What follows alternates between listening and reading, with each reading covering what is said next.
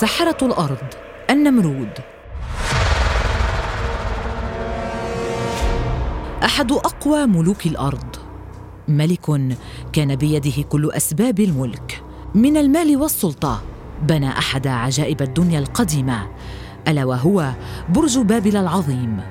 أخذته العزة بالنفس فاغتر بنفسه وأعلن ألوهيته مستعينا بأحد أكبر رموز الشر المطلق. الشيطان إبليس ليسجد أمامه ويكون الساحر الأول وتكون نهايته صادمة ووخيمة جدا.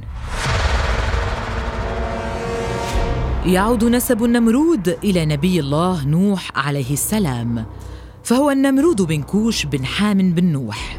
كان النمرود في صغره ينعم برغد العيش حيث كان حلمه في صغره أن يصل للملك ويحكم بابل. وفي أحد الأيام كان النمرود يغتسل وبجانبه مجموعة من النساء الحسنوات ليظهر له رجل أحدب ذو رائحة كريهة عليه ثياب سوداء. لم يعرف النمرود كيف دخل هذا الرجل قصره المنيع ليفاجئه بسؤال ساخر حيث قال الرجل العجوز للنمرود أأنت من سيحكم الأرض؟ حينها غضب النمرود بشدة. نتيجة لسخرية الرجل منه. وأمر الجنود الذين كانوا تحت أمرته بقتل الرجل الأحدب وجميع الجواري اللواتي كن حوله. بعدها يصعد النمرود إلى غرفته ليفاجأ بذات الرجل هناك ينتظره. فذعر النمرود وقال متعجبا من أنت؟ ليرد الرجل الأحدب. أنا أمير النور.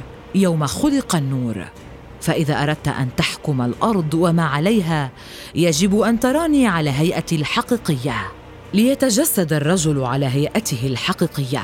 فكان عظيم البنية شديدا وكان الشعر يكسو جسده. ما لم يكن يعرفه النمرود أن هذا الرجل الماثل أمامه الآن هو إبليس.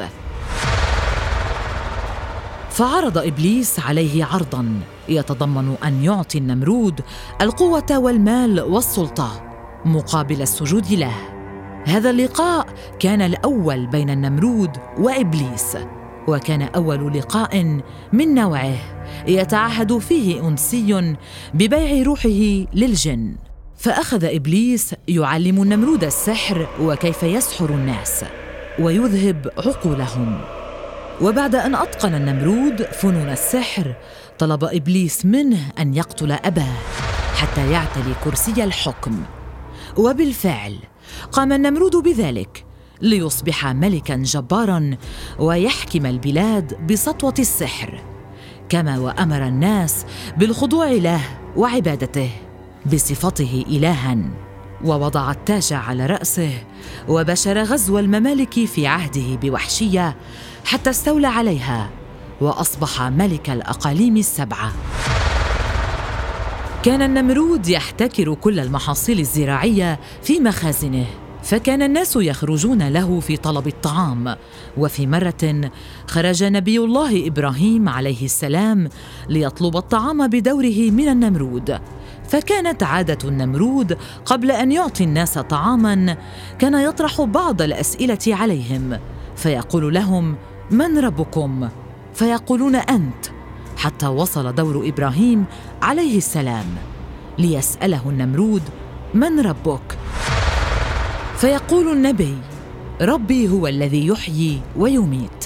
فرد النمرود عليه أنا أحيي وأميت. فأخذ اثنين من جنوده وقام بقتل واحد وأطلق سراح الآخر. فيرد عليه النبي بأن أحيي الذي قتلته. فعجز النمرود عن الرد. ثم سأل النمرود إبراهيم ماذا يفعل ربك يا إبراهيم؟ ليجاوب النبي بأن ربي يأتي بالشمس من المشرق فآتي بها أنت من المغرب. فعجز النمرود عن الإجابة أيضا ليغضب ويمنع النبي عن الطعام. فطلب إبراهيم أن يأخذ بعض الرمال معه فكان له ذلك ليصل منزله وينام. فيقول في الصباح التالي ليجد أطيب الطعام فعرف أنه من عند الله فحمده. نزل بعدها النبي ليبشر الناس بعبادة الله ويبتعد عن عبادة نمرود لكنهم رفضوا فيباغتهم النبي خلال أحد احتفالاتهم ويذهب لأصنامهم ويكسرها إلا كبيرها. وعندما سألوا النبي عن ما كسر الأصنام فأجاب أن كبيرهم هذا فعل ذلك واسألوه إن أردتم. فقاموا بأخذ النبي للنمرود حيث اغتنم النمرود الفرصة للنيل من النبي. فأمر بجمع الحطب وأضرم بها النار لتصبح عظيمة جدا ورموا النبي فيها وتركوه لأيام.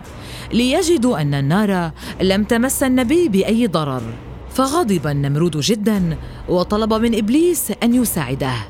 فقال له إن إبراهيم ما هو إلا شيطان من الشياطين. ولم يخبره بأنه نبي منزل. فسأل النمرود إبليس ماذا يملك إبراهيم ولا أملكه أنا؟ فرد عليه إبليس ان إبراهيم يملك الحيلة فقط. ليغضب النمرود غضبا شديدا ويعلن تمرده على إبليس الذي قال له سترى اليوم من سينجيك. بعد أن بعت روحك لي ليرسل الله بملائكة للنمرود ليطلب منه أن يؤمن بالله. يرفض ذلك ويقول هل هناك آلهة غيري؟ ليقول له آخر ملك مرسل أن اجمع جموعك وجيشك في ثلاثة أيام. فأرسل الله عليهم جيشا من الباعوض أكلت من لحومهم وشربت من دمائهم ولم يبقى سوى الملك النمرود الجبار. فأرسل الله عليه بعوضة دخلت إلى أنفه ثم إلى دماغه. فلا يهدأ النمرود إلا إذا ضرب بالمطارق والأحذية وكان يطلب من جنوده أن يضربوه بالمطارق الحديدية على رأسه. وظل يتعذب لسنوات طويلة. ويقال أنه تعذب مدة أربعمائة سنة. ظل فيها يضرب بالمطارق وهي نفس المدة التي حكم بها هذا الحاكم الجبار. ومن بعدها مات جنونا من كثرة الضرب. نهاية وخيمة لأحد أقوى واعتى السحرة الذين تعاونوا مع إبليس ذات نفسه. فكانت فيه العبر.